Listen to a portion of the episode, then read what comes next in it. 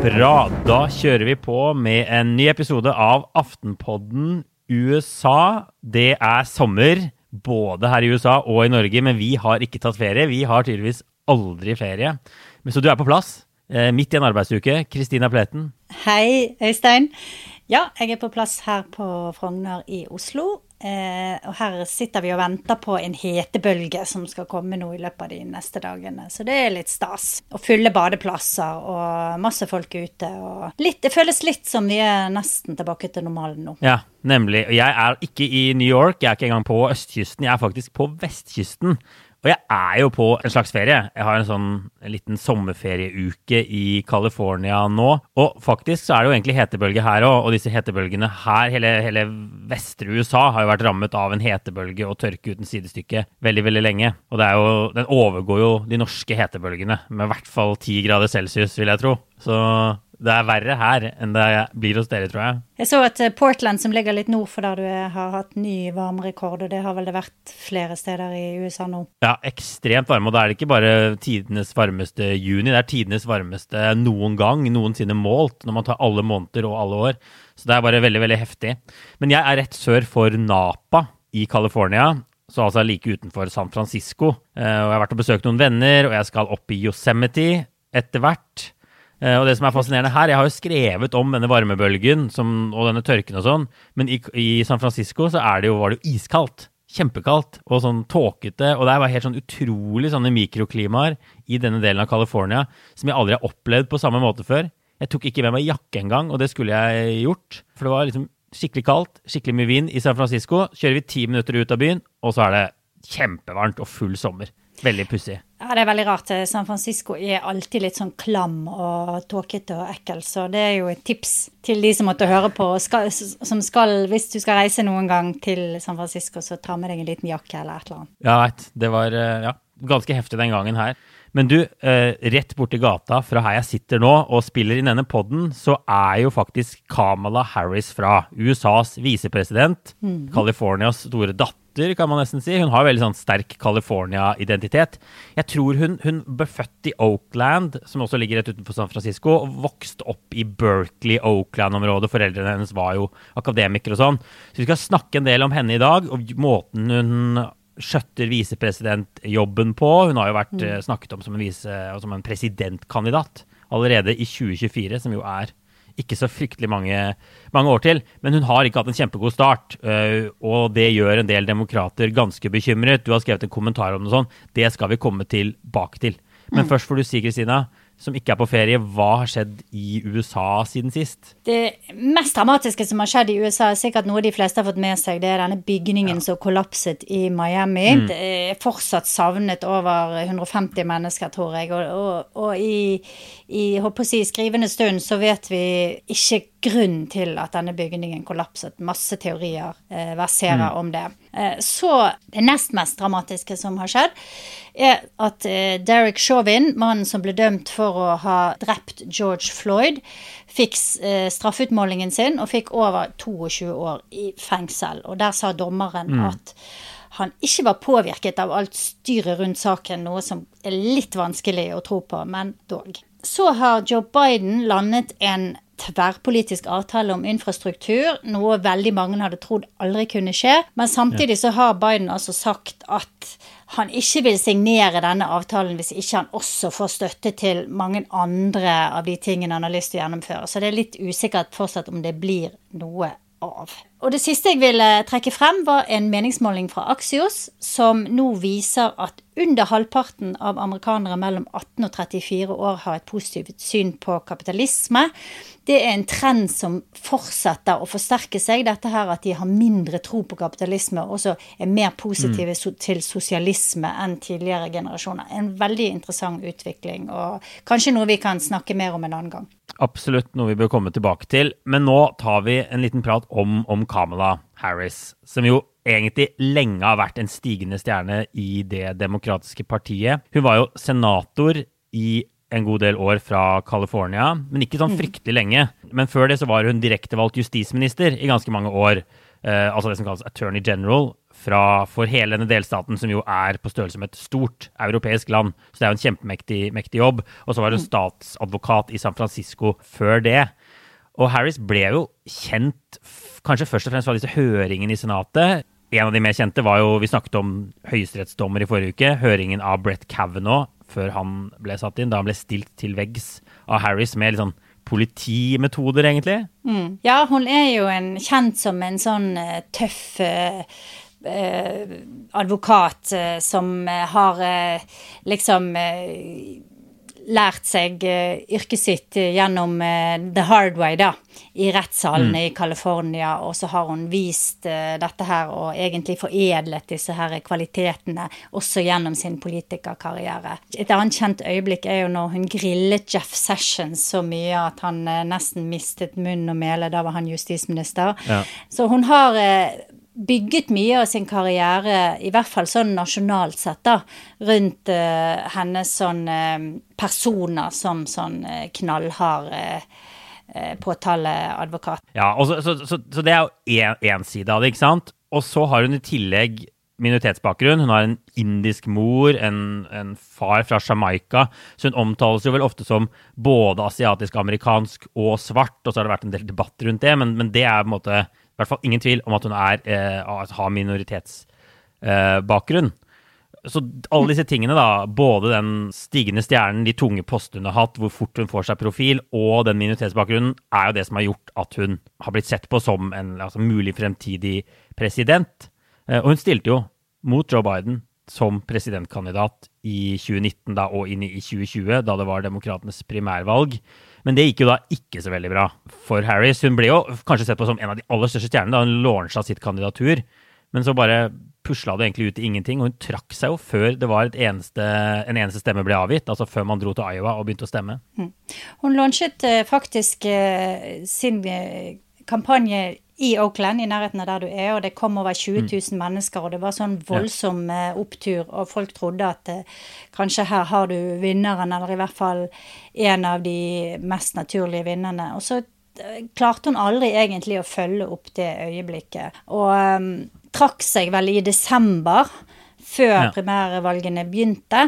Eh, og så var det jo noen som spekulerte i da om hun hadde satset mye på å heller bli visepresident. Og Eh, når eh, Det husker kanskje mange at i de månedene når man drev og lurte på eh, hvem Joe Biden ville velge, så var hennes navn alltid sånn lengst fremme, og det var egentlig ganske lite eh, Ganske få utfordrere. Han hadde sagt at han ville velge en kvinne, en farget kvinne, og eh, hun var egentlig det naturlige valget. Så ja frem mot uh, valget i november, så ble hun jo regnet som en uh, sånn uh, En positiv ting da for Bidens team. Hun var med og tror jeg trakk inn en del velgere, og hun ble sett på også som en mulig arvtaker for Biden hvis han bare skulle sitte i fire år og gå av i, i 2024. Ja.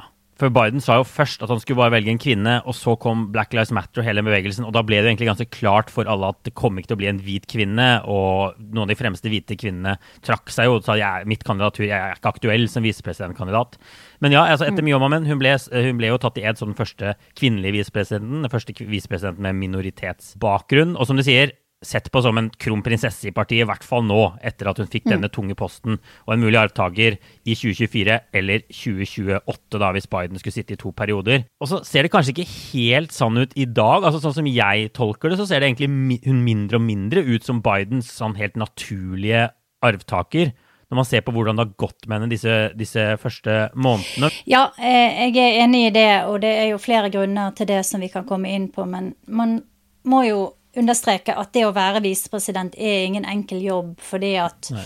veldig mye av jobben din består på en måte i å backe opp presidenten. Og så i tillegg så har hun ofte blitt sett med sånn svart munnbind der hun står bak Joe Biden mens han taler, og så får hun kanskje si et par ord. Så det egentlig den koronasituasjonen har kanskje også forsterket den der, det der inntrykket av visepresidenten som en sånn der litt sånn eh, skyggeperson som står bak presidenten og ikke gjør så mye.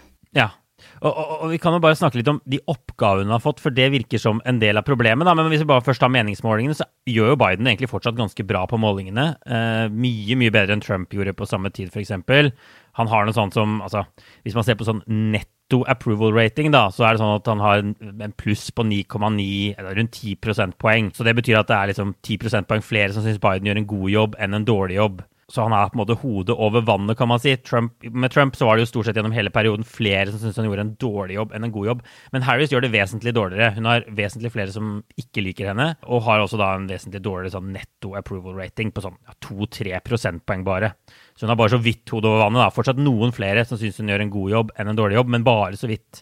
Så hva er det som bare ikke helt fungerer for henne da? For det burde jo være mulig å lykkes i en sånn litt sånn tilbaketrukken visepresident post. Og vi snakket jo om hun har jo en del sånn bakgrunnsting som skulle, gjøre, skulle kunne gjøre henne ganske populær. da. Første minoritetskvinne, første kvinne i det hele tatt som er visepresident. Ja, det burde det. Men eh, det er jo en del problemer som Harris egentlig har tatt med seg fra valgkampen, som viser seg å dukke opp igjen nå. Og et av de er at hun har ikke noe helt sånn klar og tydelig profil. Hun stilte jo til valg med en litt sånn pragmatisk innstilling mm. som var sånn ja eh, jeg skal gå for what works, ikke sant. Jeg, skal, jeg er opptatt av å, å, hjelpe middelklassen med å få endene til å møtes.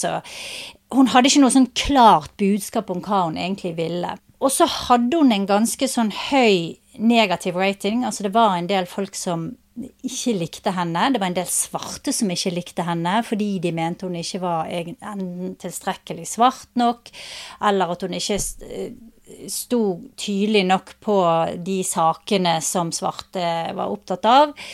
Eh, så hun hadde en del sånne utfordringer som hun ikke helt klarte å, å komme over.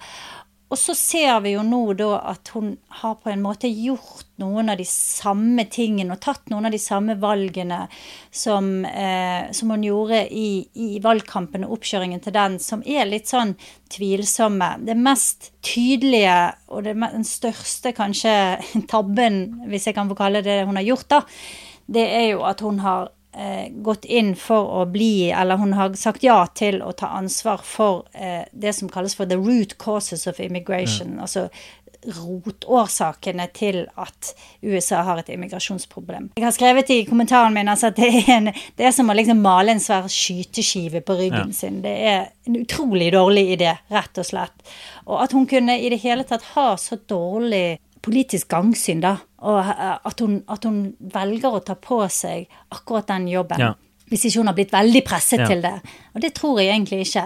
Det er veldig rart. Og det vitner kanskje om at hun enten har dårlige rådgivere, som hun til dels hadde i, i valgkampen, eller at hun ikke eh, kanskje er strategisk smart nok. Ja enkelte, i enkelte av de politiske valgene hun tar. Det er jo en sånn følelse man etter hvert har fått, det er jo i hvert fall det høyresiden sier, er jo at hun er bare ikke så veldig god politiker. I California kan man slippe unna med hva som helst når man er demokrat, for det er en kjempedemokratisk stat. Og så gjør hun sånne rare taktiske blundere igjen og igjen. Og vi kan snakke litt om det der, for innvandring er jo på en måte det som har definert henne som visepresident til nå. Hun har fått ansvaret for rotårsakene til innvandring, men den rotårsakene, nyansen, har forsvunnet helt. Hun har fått ansvaret for all innvandring, i hvert fall på høyresidemediene. også også til dels bare i de vanlige mediene. Så ikke bare, ikke bare det som skjer liksom sørover på kontinentet, i andre land, men også alt som skjer på grensa, knyttes til Kamala Harris, som jo er bare en, fryktelig ting å ha, ja. å ha, på seg. Og det er jo sånn at altså, Innvandring vi har snakket om det før, splitter jo venstresiden i alle land. Det er et problem for alle sånne sosialdemokratiske mm. partier. Det er mm. nesten sånn umulig å, å, å, å, få til noe som folk kan like der. Enten så blir det for streng, og så skremmer det unna kan si venstresideaktivistene. Eller så er du for liberal eh, og får kjempekritikk fra høyresiden, men også masse internt da, som mener at du er naiv og sånn. Og så er det, som du skriver i kommentarene nå, kjempegodt poeng, Demokratene bryr seg ikke så mye om den saken her heller. Så det er vanskelig å bli sånn kjempepopulær i eget parti. Så det er veldig, er veldig vanskelig å skjønne hvordan hun har endt opp med den. Og jeg er helt enig med deg. Når man leser signalene, virker som, det virker som hun har hatt en del mulighet til å påvirke porteføljen sin selv. Og da kan mm. man i hvert fall lure på hvorfor hun fikk dette her som i fanget. Ja, og så har jeg sett nå gjennom de siste par månedene, jeg tror hun fikk dette her i mars en gang. Og siden da så hun blitt spurt om, om igjen og om igjen ja, hva skal du gjøre med immigration, hva skal du gjøre med situasjonen på grensen. Og så svarer hun sånn ja, men jeg skal bare ta meg av rotårsakene. og så er folk sånn jeg driter i rotårsakene, men ingen er interessert i hva det er. Og, og så har det da liksom bare gått i loop, da. Og, mm. og, og, teamet hennes og hennes sånne surrogater, som er de som eh, uttaler seg på hennes vegne i, i amerikanske medier, de har også prøvd å selge dette budskapet at ja, men Camelot har bare ansvaret for roteårsakene. Og det funker ikke, og det burde de ha visst. At det der å liksom i en sånn situasjon der grensen overflømmes av eh, immigranter, det er den ene krisen, ene problemet egentlig Biden-regjeringen har, mm. så setter de hun i en sånn situasjon? Det er nesten ufattelig. Ja, og det er nok også Hun er jo også det at hun er minoritetskvinne, virker også veldig rart å gi henne den, den jobben hvor man kan knytte disse tingene så, så tett sammen. Og, og så, så, det har jo blitt eh, siden dag én et sånn mas om at nå må du reise til grensa til Mexico. Nå må du reise til grensa til Mexico. Det er også noe som starter på, på, på ytre høyre. Alle vet jo at det er en sånn foto opp altså Det har ikke så ekstremt mye å si sånn i praksis om hun har vært der og sett disse tingene. De har jo masse rådgivere, de vet jo hva som skjer på grensen. Men, men og, og, hun har jo blitt spurt om dette igjen og igjen i intervjuer, også intervjuer med vanlige amerikanske medier. Og det, det var der hun gikk på en av disse blemmene hvor hun ble pressa på liksom eh, Hvorfor har det ikke vært på grensen? Og så sier hun til slutt sånn irritert Det var vel til Lester Holt i NBC. Jeg har ikke vært i Europa heller. Og da har jo da, ikke sant i hvert fall høyresiden liksom, tre dager til med ting de kan spinne rundt, uh, rundt Kamala, Kamala Harris. Og så ender hun jo da til slutt med å dra til grensen. Men mm. det er jo først nå, ikke sant? Etter, etter, så mange måneder. Så det virker jo veldig sånn defensivt. De har vært på defensiven hele tiden. Say hello to a new era of mental health care.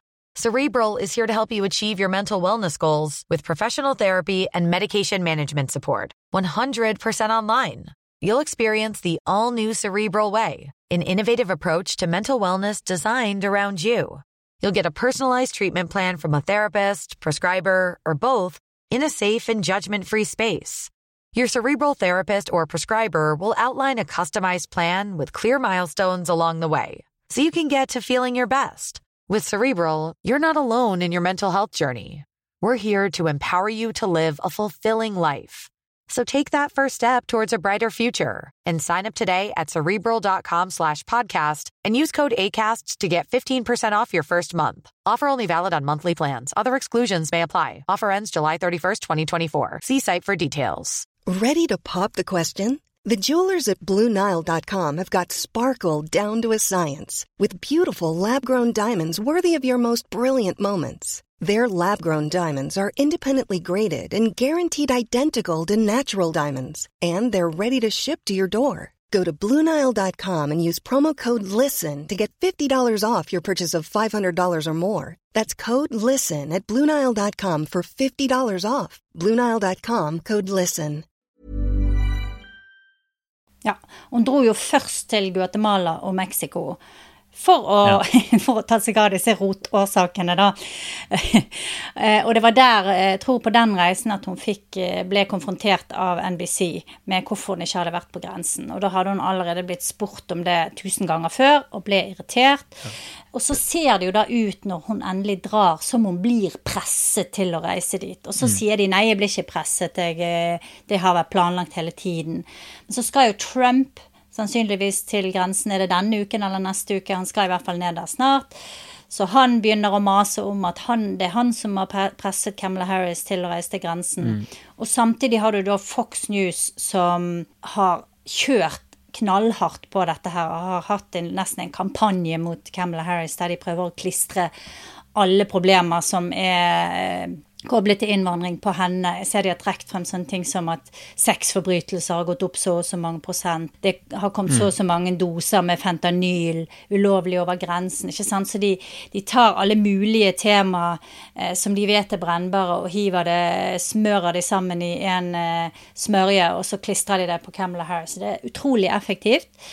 Eh, Ja. Og de har ikke klart å svare på det nesten på noe som helst eh, god måte, da.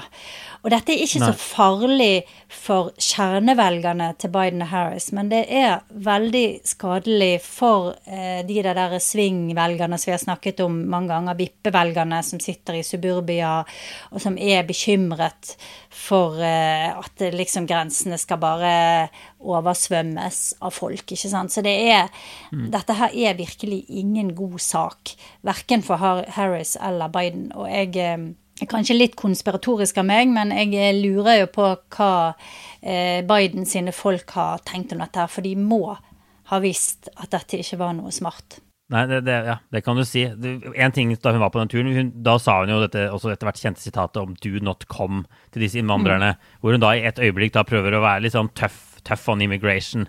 Og så da, får hun også, da, da blir det også masse bråk innad i partiet. Så det, er, det bare viser at den, den, det er ingen bra vei å gå for henne i det spørsmålet her. Jeg tror det bare er ja, vondt og vanskelig. Er, man kan lure på hva de har tenkt rett og slett. Og, om de har tenkt at nå, nå ofrer vi henne. Men de må jo ha valgt henne også med en tanke på at vi skal kanskje bygge noen som kan Biden har jo tenkt på seg som en sånn transitional figur, har han sagt. En overgangsfigur. Og da må de jo ha valgt henne og tenkt at hun kan være den som skal ta over etterpå. Og da er det veldig pussig å gjøre det her også. Ja, men så har jo altså Biden hadde samme rollen eh, under Obama. Han hadde også ansvaret for rotårsakene, men han eh, satt ikke i samme posisjon. Han er en hvit mann.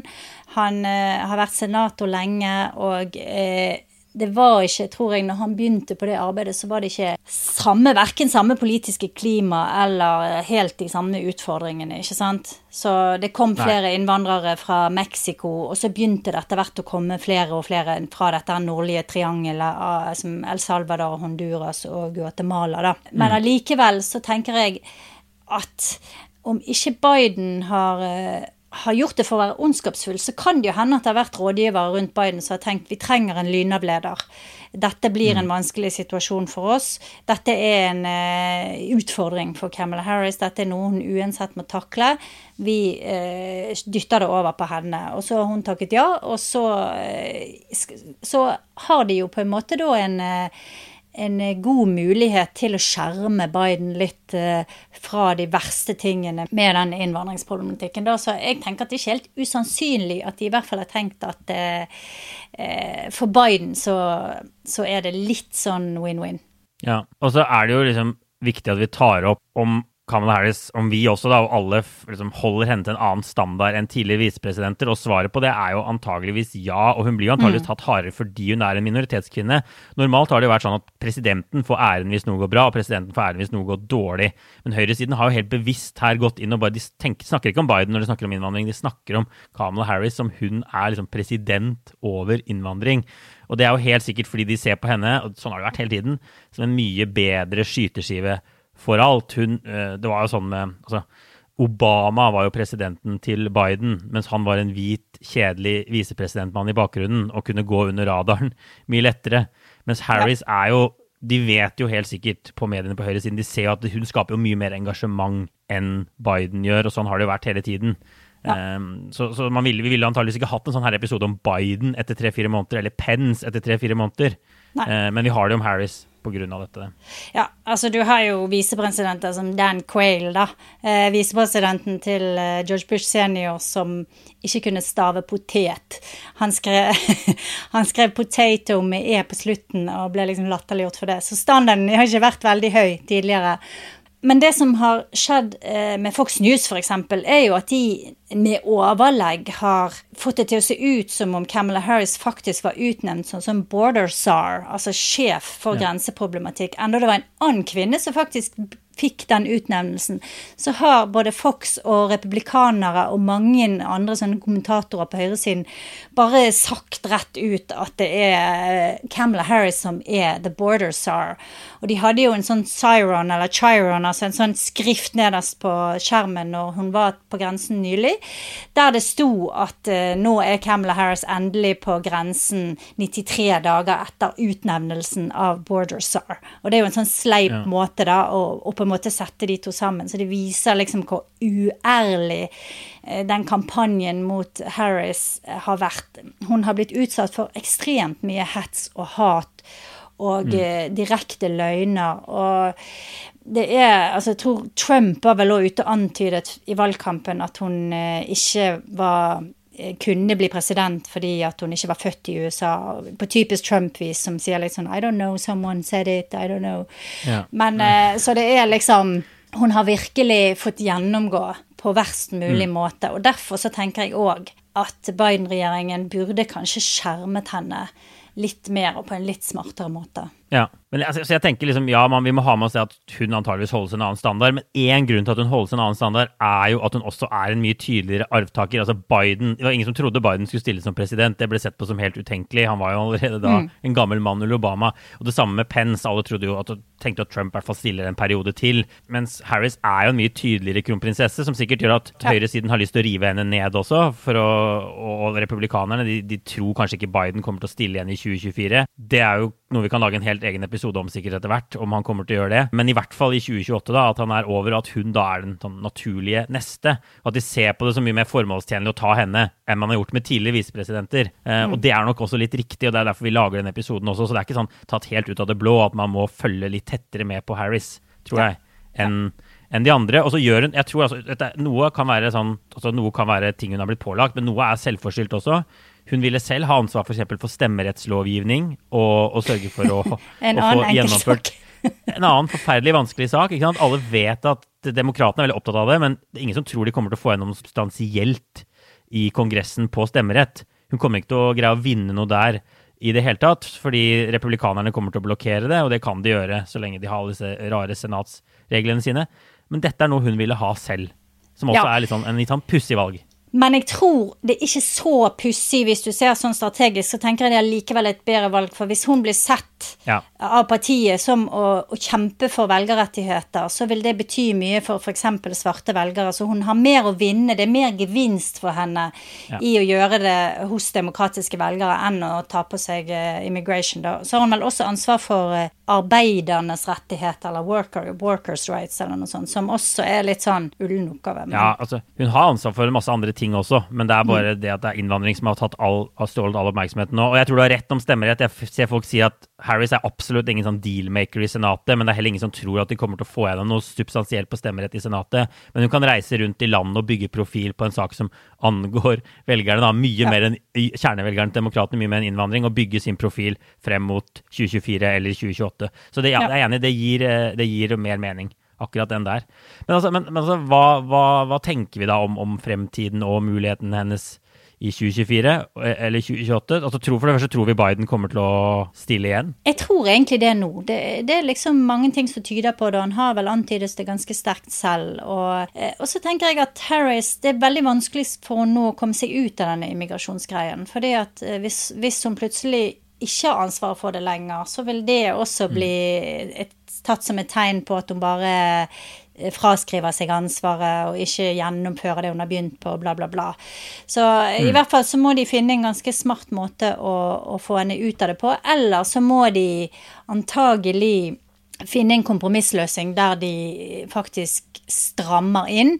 Går for en litt strammere linje enn det venstresiden av partiet ønsker seg. eh, Får, eh, får, får redusert antallet som kommer til grensen, og på den måten får dempet noe av trykket mot grensen, da. Og det vil de sannsynligvis eh, vinne politisk på, fordi at som vi sa før, så betyr ikke det så mye fra, for, eh, for de fleste demokrater vektet opp mot f.eks. økonomi. Og nå høres jeg veldig kynisk ut, men dette er jo et, et kynisk spill på mange måter, da.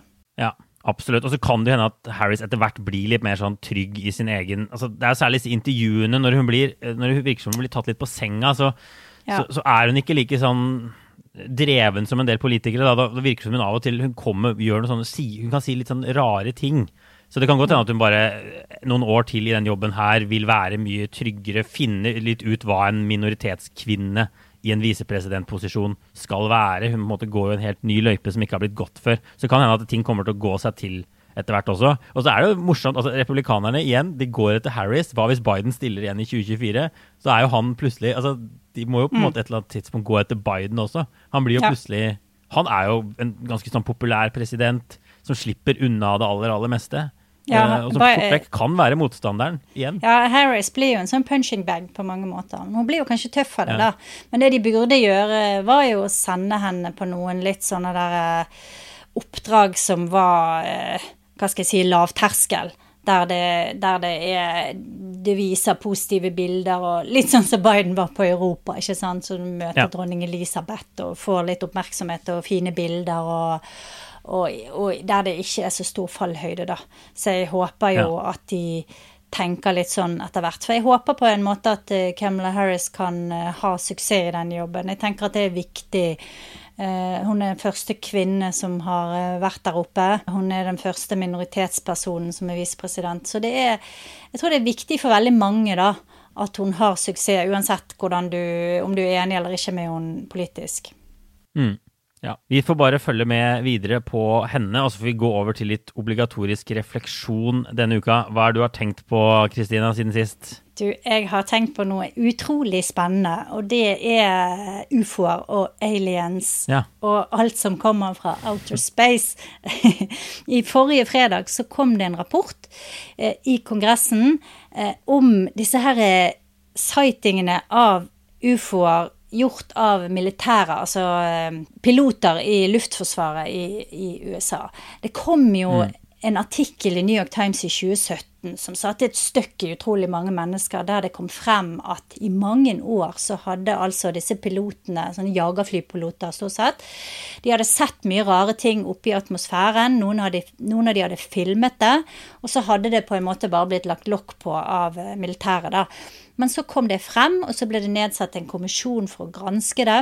Og eh, så kom denne rapporten, og den er egentlig litt sånn wishy-washy. Den, den sier at de, de kan ikke konkludere med verken det ene eller det andre. Men det som fascinerte meg da, det var at det, det står faktisk det at eh, de er ganske sikre på at dette var fysiske objekter. Altså det var Ja. ikke f.eks. et lysfenomen eller noe sånt. Og de har ikke forklaring på det.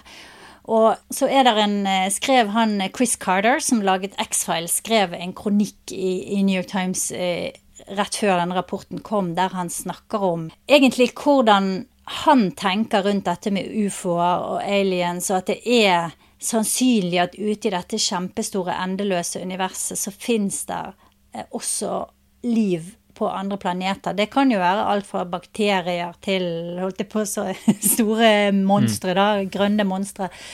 Men Ja. det er jo egentlig ikke så, så usannsynlig, og jeg syns det er kjempespennende. Og for de som hører på denne poden som ikke har sett de der videoene, så virkelig anbefaler å, å gå inn. Og vi kan legge ut en lenke, da. Det er utrolig fascinerende. Det er sånne små eh, sigarformede jeg vet ikke jeg skal, hva jeg skal kalle det, fartøy eller dingser, eller som flyr i kjempestor hastighet roterer i luften. Og eh, militæret sier også at de hadde ingen synlig form for eh, motor eller ikke sant, propulsion, da.